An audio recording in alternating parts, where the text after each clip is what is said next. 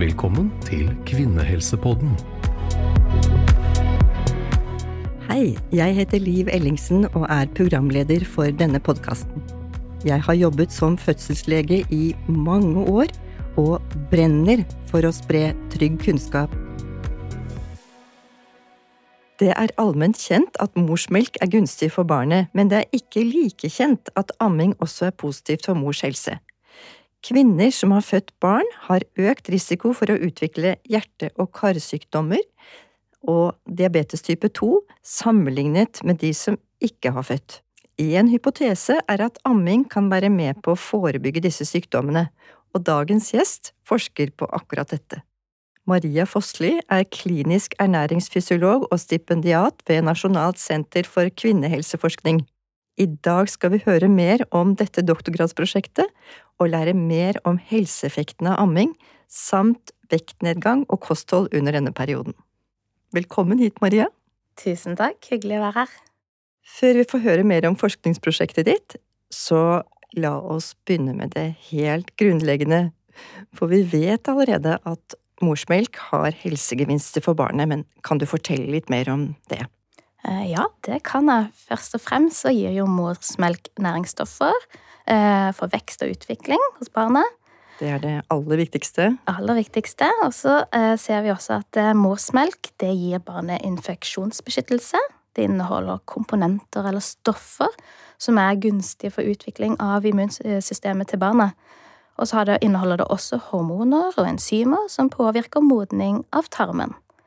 Og så har jeg lyst til å poengtere at all lamming, både delamming og fullamming, begge deler er eh, fint. Mm. Så her er det store gevinster for barnet, men nå skal vi over til det som mer er dagens tema, og det er ammingens betydning for mor. Mm. Kan du si litt om helsegevinstene for mor? Ja, eh, noen har kanskje hørt eh, at eh, amming det får livmora til å trekke seg raskere sammen etter, etter fødsel. fødselen. Ja. Um, og så kan det forsinke, eller, ja, forsinke at menstruasjonen kommer tilbake. Og på lang Kan brukes som prevensjon? I tillegg til prevensjon? ja. Og på lengre sikt så ser det ut til at eh, amming beskytter mot visse typer kreftformer hos mor, f.eks. brystkreft. Og det er en ganske stor eh, beskyttelse, er det ikke det? Mm. Men det som er kanskje er litt mindre kjent, som du også sa i introduksjonen, det er at amming ser ut til å kunne beskytte eh, mot hjerte-karsykdom og diabetes type 2 hos mor seinere i livet. Og det er det du forsker på? Det stemmer. Mm. Kan du si litt mer om forskningsprosjektet ditt? Eh, det kan jeg absolutt. Da går jeg jo litt på bakgrunn for hvorfor vi forsker på akkurat det vi gjør. Og du sa det også veldig fint i begynnelsen, at vi ser at kvinner som har født barn, de har en økt risiko for å utvikle hjerte-karsykdom samt type 2-diabetes eh, sammenlignet med kvinner som ikke har eh, gått gravid eller født. Og det er fordi at eh, i et svangerskap så skjer det en del endringer med mors kropp. ikke sant? Det åpenbare, at magen vokser, får større bryster, legger på seg fettlagre osv. Men så skjer det også noen endringer inni kroppen som ikke er synlige for det blotte øyet. Og disse endringene det eh, skjer for at eh, barnet og morkake skal få de næringsstoffene som det trenger. Ja. Og dermed så begynner mor å benytte seg av andre stoffer. Da bruker hun fettstoffer i større grad enn f.eks. sukkerstoffer. Det skjer helt automatisk? Ja, det er helt naturlig. Mm, helt naturlig eh, endring. Men disse endringene, altså det å få økt nivåer av f.eks. kolesterol og triglycerider, det, sammen, eh, det, har jo en sammenheng med økt risiko eh, for hjerte-karsykdom. Ja, Så det mm. kunne man tenke seg var ugunstig, da? Så det er en ugunstig endring som skjer helt naturlig i et svangerskap. Ja. Mm. Og så ser man da etter fødsel så går en del av disse endringene naturlig også tilbake. Ja. Men så ser man også at de som ammer, sammenlignet med de som ikke ammer, har, eh, der går endringer raskere tilbake. Så den ugunstige effekten, den blir fortere over i gunstig retning igjen? Ja, blir tilbakestilt i raskere grad ja. hos de som ammer. Mm. Gjelder det alle som ammer, om man ammer mye eller lite? Ja, det ser ut som all amming har eh, den effekten. Ja. Mm.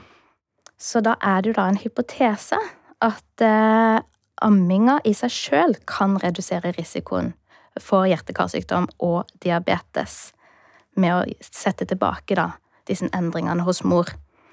Men samtidig så vet vi også at vektnedgang gir de samme eh, gunstige endringene. Ja, for de fleste går jo ned i vekt etter. Ikke nødvendigvis, men det Nei. kan vi komme tilbake til litt senere. Men derfor er det litt vanskelig å skille effekten. Er det amminga eller er det vektnedgangen som gir disse gode effektene eh, hos mor? Og det er jo vi også nysgjerrig på. Eh, så da har vi et forskningsprosjekt som heter EVA-studien. og Det er et eh, akronym for effekt av vektendring og amming. EVA. Ja. Mm. Eh, der vi vil utforske akkurat dette. Vi vil prøve å skille effekten fra amming fra vektnedgang. Så de kvinnene som vi da inkluderer i studien, mm. de har overvekt eller fedme før de blir gravide. Ja, ja. Og så eh, fordeles de tilfeldig i fire forskjellige grupper. Den ene gruppa de får ammeveiledning allerede før de føder, og tett oppfølging etter fødsel og hele ammeperioden. En gruppe får, eh, skal delta i et eh, kostprogram. Et livsstilsprogram hvor målet er trygg vektnedgang i ammeperioden.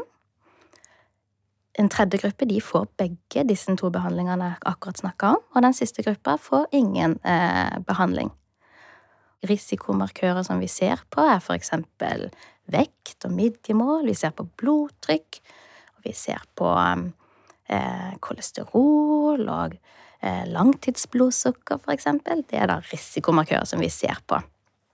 Og vi møter disse kvinnene to uker etter de er født, seks måneder etter de er født, og etter de har slutta å amme. Ja, for hjerte-karsykdommer tar jo ofte litt tid på å utvikle seg, så mm, Så det er derfor vi, vi kan jo ikke se på om de får eh, hjerte-karsykdom, men vi ser på risikomarkører. Dere ser på markører for dette? Mm. Ja. Det blir spennende å se hva dere finner ut. Så det er altså en hypotese at man faktisk kan amme seg til bedre hjertehelse? Ja, det er fremdeles en hypotese. Altså, det er mange studier som har sett på akkurat dette. Eh, og sånne studier som, vi som fins per dags dato, det er observasjonsstudier.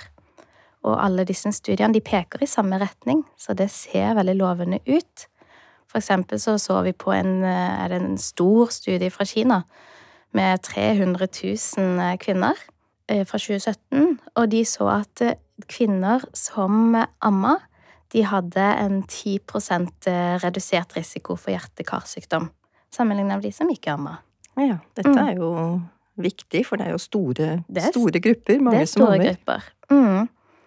Men så er det liksom eh, Det er vanskelig å forske eh, på det med amming. Og det å gjøre kliniske, randomiserte studier, som da er gullstanden innenfor medisinsk forskning, det er vanskelig med amming, for du kan jo ikke si til en kvinne nå skal vi forske på deg, du har født et barn, nå vil jeg at du ikke skal amme, og så forsker jeg på den andre kvinna, hun skal få lov til å amme. Ikke sant? Du får ikke gjort, eh, gjort det, da. Nei, så her må man bruke andre typer studier. Ja, og bare det at det er litt vanskelig ja. å forske på akkurat, eh, akkurat dette. Mm. Det forstår jeg. Når vi snakker om alle disse positive effektene av amming, Maria, så må vi også være litt forsiktige, fordi mange føler jo et veldig ammepress. Det er jo en del som faktisk ikke får til å amme. Mm. Jeg er jo veldig opptatt av at når vi legger fram eller finner nye resultater, at amming også er positivt for mor, at formålet mitt er jo ikke at det skal komme, bli enda mer ammepress for, for kvinnen. Jeg syns kvinnen har nok press, eller opplever nok press allerede. Men det som er viktig, er jo da å legge til rette for hvor kvinnen som da ønsker å amme, hvor kan hun oppsøke hjelp hvis hun trenger hjelp med amminga. Det er det som jeg tenker er enda viktigere, da, når vi får sånne, ser resultater fra studier. Og så snakker vi jo om store grupper, vi snakker ikke om enkeltindividene. Nei, så det er så... jo ikke sånn at selv om man ikke får til å amme, så får man Hjerte-karsykdom eller diabetes. Absolutt ikke. Det, det er også et veldig godt poeng, Liv, at eh, når vi ser på disse effektene, så for hver enkelt kvinne så er kanskje effekten liten, men så er det jo sånn at det er, det er mange kvinner som, som, føder og ammer. Eh, så derfor på, et, på gruppenivå eller i et befolkningsperspektiv så kan disse små effektene da ha en, en stor effekt. Eller ha, ha en større betydning.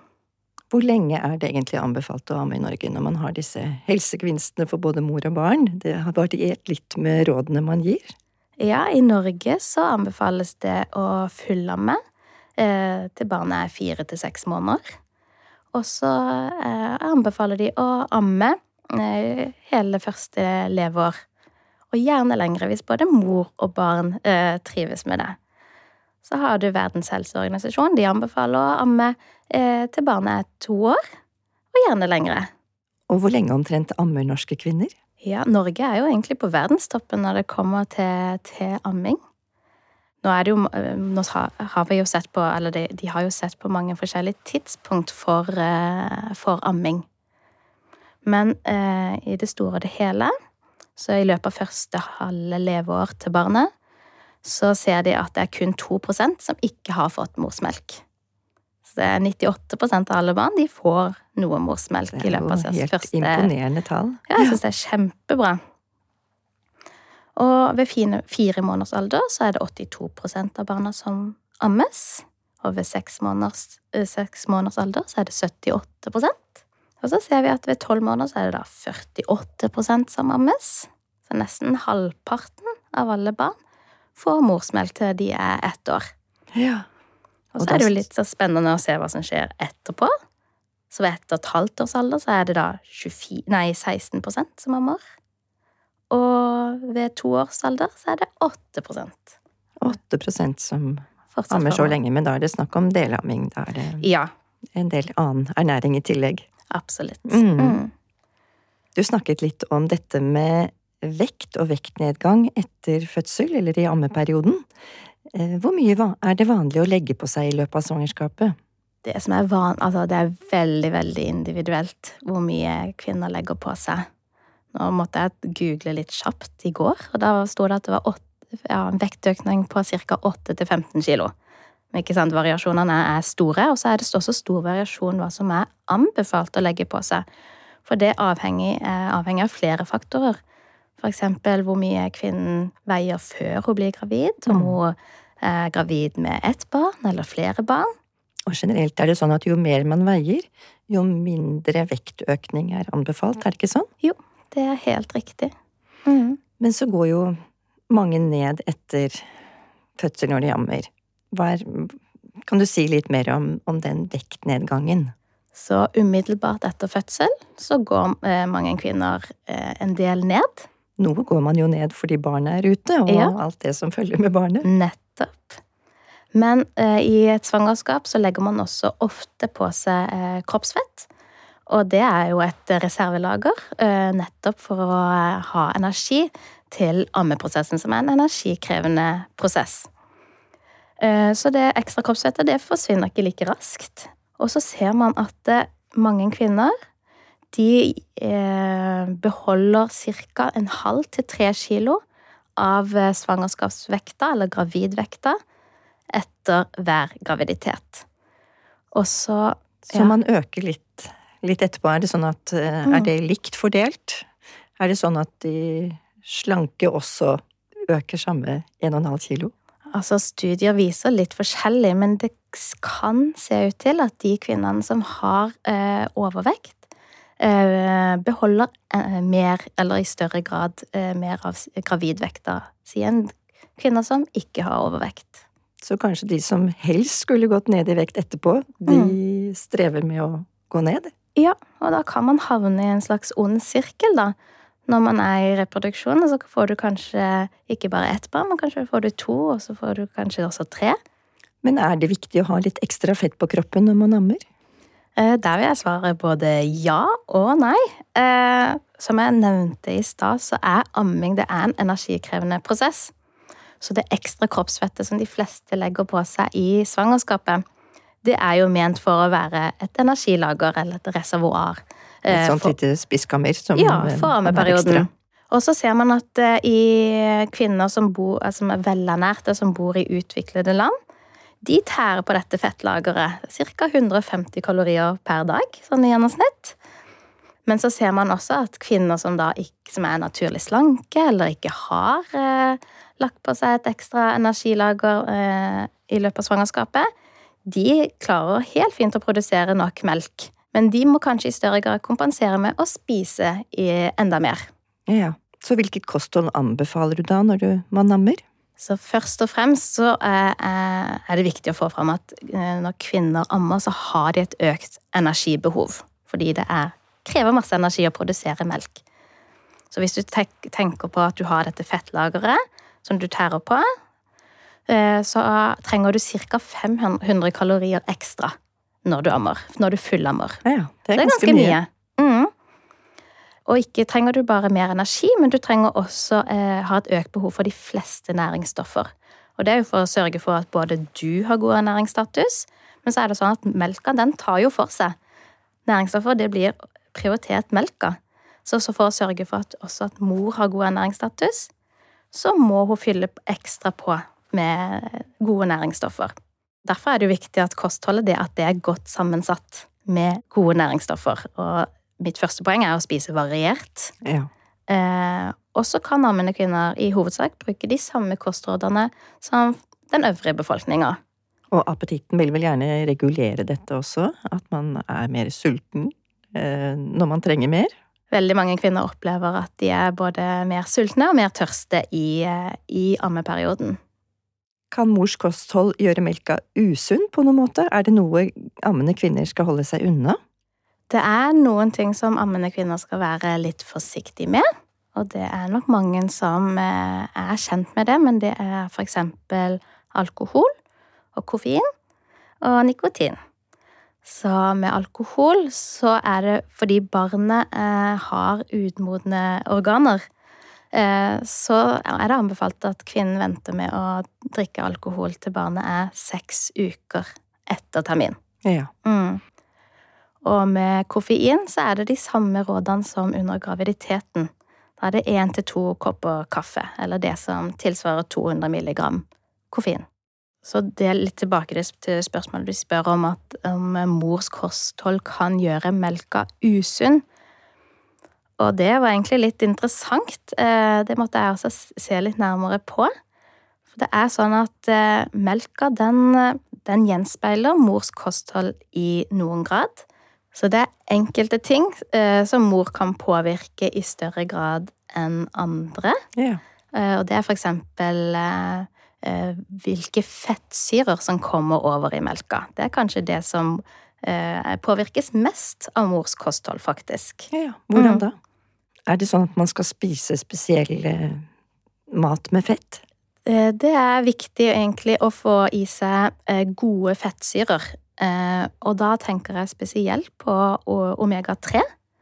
For det er godt eh, viktig for utvikling av både eh, nervesystemet og hjernen til barnet. Ja. Så i ammeperioden så er det anbefalt at kvinner får i seg enda mer omega-3. Og det kan man få fra forskjellige planteoljer, men også fet fisk, og gjerne tilskudd i form av tran. Så det er et praktisk råd som er viktig å huske på. Mm. Er det sånn at melken vil få mindre fett når man går ned i vekt? Nei, morsmelka får faktisk ikke mindre fett selv om mor går ned i vekt. Det er litt interessant, for hvis du ser på morsmelk, morsmelka på verdensbasis, så er den temmelig lik eh, sammensatt sånn energimessig. Så hvis du ser i gjennomsnittlig i løpet av en dag, så inneholder melka ca. 4 eh, fett. Og den nøyaktige mengden det varierer jo gjennom, ja, gjennom, dagen, gjennom et måltid og gjennom hele ammeperioden. Og så er det sånn at eh, fettet i melka det kommer direkte enten fra fettlagrene til mor eller gjennom fettet hun, hun, spiser. Og det er jo naturlig å tenke på at her må det være en beskyttelse i land hvor det er mindre tilgang på mat. Mm. At barnet faktisk prioriteres veldig i mm. sin At barnet prioriteres for å få mat. Ja. Mm. Så snakket du om at noen går opp i vekta i ammeperioden, og mange vil unngå det. Hvordan er det å slanke seg når man ammer? Nå er ikke jeg så glad i ordet slanking, men eh, litt tilbake til det jeg også allerede har nevnt. Det er jo at i svangerskapet så legger du på deg fett. for å kunne tære på det i ammeperioden. Så det er helt naturlig å kunne eller skulle gå ned i vekt i ammeperioden. Men det jeg har lyst til å poengtere, er jo at man ikke skal gå for fort ned i vekt. Og hvorfor skal man ikke det? Og det går på at eh, alle er eksponert for miljøgifter. Og miljøgifter, det lagres i fettvevet. Ja. Så når mor går ned i vekt og tærer på disse fettlagrene, da frigjøres disse miljø miljøstoffene og går over i morsmelka. Så for at det ikke skal bli for mye eh, på en gang i morsmelka, så anbefales det en, en eh, moderat vektnedgang, og at den ikke går for raskt.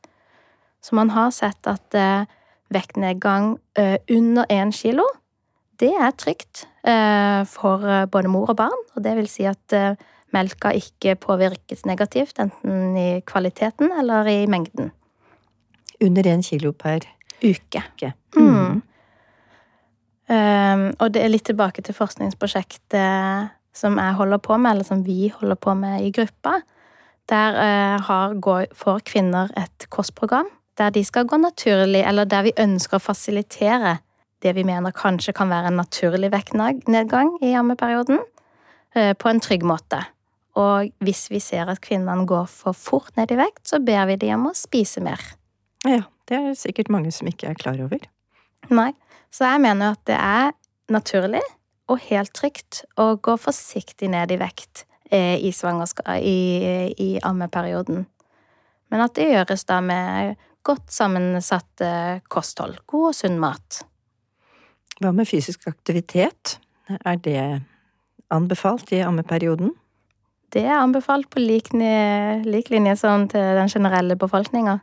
Vil det påvirke amming og morsmelk noe?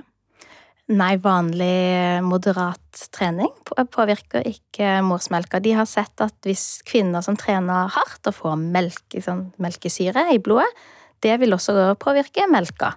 Så da blir melka gjerne litt sur. Så egentlig så er jo melka søt og god. Så da er det mange barn som kanskje ikke vil drikke hvis mor har, med en gang da, etter trening, hvis mor har trent veldig hardt. Mm. Det, var, det har jeg ikke hørt om før. Det var spennende. Nei, det, det syns jeg var spennende. Ja. Så nevnte du miljøgifter. Er det noen risiko ved amming? Er det noe man skal holde seg unna? Eh, Jeg har vært litt inne på det med miljøgifter. Alle er jo eksponert for miljøgifter både gjennom eh, luft, eh, vann, mat og hud. Og som jeg også sa, så lagres miljøgifter. Det lagres i fettvevet. Så når en kvinne går ned i vekt i løpet av ammeperioden, så kan jo det frigjøres til melka. Og det var jeg også inne på at da må man sørge for at en kvinne ikke går for fort ned i vekt. Eh, Så er det da, når du spurte om er det visse typer mat eller er det noe kvinner må være forsiktige med, da, så er det jo eh, miljøgifter fra visse typer sjømat som eh, kvinner som ammer må være forsiktige med. Og det er jo på lik linje som når hun var gravid. Mm. Og hvor kan man finne noe opplysning om dette? Hva man skal spise og ikke skal spise når man ammer? Det er på matportalen.no. Matportalen.no. Eh, så er det sånn at eh, Vitenskapskomiteen de har sett på dette med miljøgifter i morsmelk og gjort en nytte-risikovurdering. Og de har sett at de nåværende nivåene av miljøgifter i morsmelka innebærer liten risiko for barnets helse, og har sett det opp mot da eh, fordelene med morsmelk, og at de er såpass mye større enn risikoen for eh, miljøgiftene. Det var en viktig presisering. Du har skrevet et innlegg hvor du kaller denne tiden hvor man ammer den glemte tiden etter graviditeten. Kan du si litt mer om hva du mener med det? Ja, så i graviditeten så følges jo mor eh, tett opp. Eh, Følges med på vekta, det tas eh, blodprøver innimellom, sørger for at mor har god helse. Men når mor har født, eh, så er det jo svært lite oppfølging av eh, og mors tilstand og mors vekt. Det er en seksukers kontroll, eller så er det ikke så, Så er mer. det er det ingenting. Mens barnet det blir jo fulgt opp tett på helsestasjonen med jevnlige kontroller. Mødre er jo i stor grad overlatt til, til seg sjøl. Og tenker jeg både liksom på oppfølging av amming, men også oppfølging av vekt. Når vi vet at det er mange kvinner som ikke går ned i vekt, f.eks. kvinner med, som allerede hadde overvekt før de ble gravide. Og det med ammehjelp Ammehjelp er mulig å få, men ser man at det, det krever mye eget initiativ. Og det krever at, det er, at du kanskje treffer heldig på helsestasjonen med din helse, med helsesøster. Eller helsesykepleier, heter det nå. Og så er det jo sånn at amming er ikke alltid mulig for alle. Og uansett om man ammer eller ikke, så kan det å få hjelp med å miste eh, ekstra gravidvekt eller eh, allerede overvekt før svangerskapet kan være et viktig tilbud for å nettopp forebygge hjerte-karsykdom og diabetes eh, senere i livet. Og per nå så, så, finnes det ikke noe tilbud i, i Norge. Så ser man til Sverige, så har de begynt å rulle ut eh, dette kostprogrammet som vi også bruker i, i studien vår. Det har de rulla ut på det som ja, det tilsvarer eh, helsestasjon. Men det er en sånn familie, mer familiebasert helsestasjon. Så her har vi rett og slett et viktig kvinnehelsetema som fortjener mer oppmerksomhet. Ja, jeg tenker jo at det å investere i mors helse eh, etter gjennomgått svangerskap kan vise seg å gi veldig god avkastning på fremtidig helse. Og det var en fin avslutning på denne podkasten. Tusen takk til deg, Maria, som har absolutt gjort oss litt klokere på amming og mors helse. Og vil du lese mer om dette, så les gjerne Marias innlegg på kvinnehelsebloggen Kan amming beskytte mors hjerte? Gi oss ris og ros på vår Instagram-konto Kvinnehelsepodden, og takk for i dag. Tusen takk.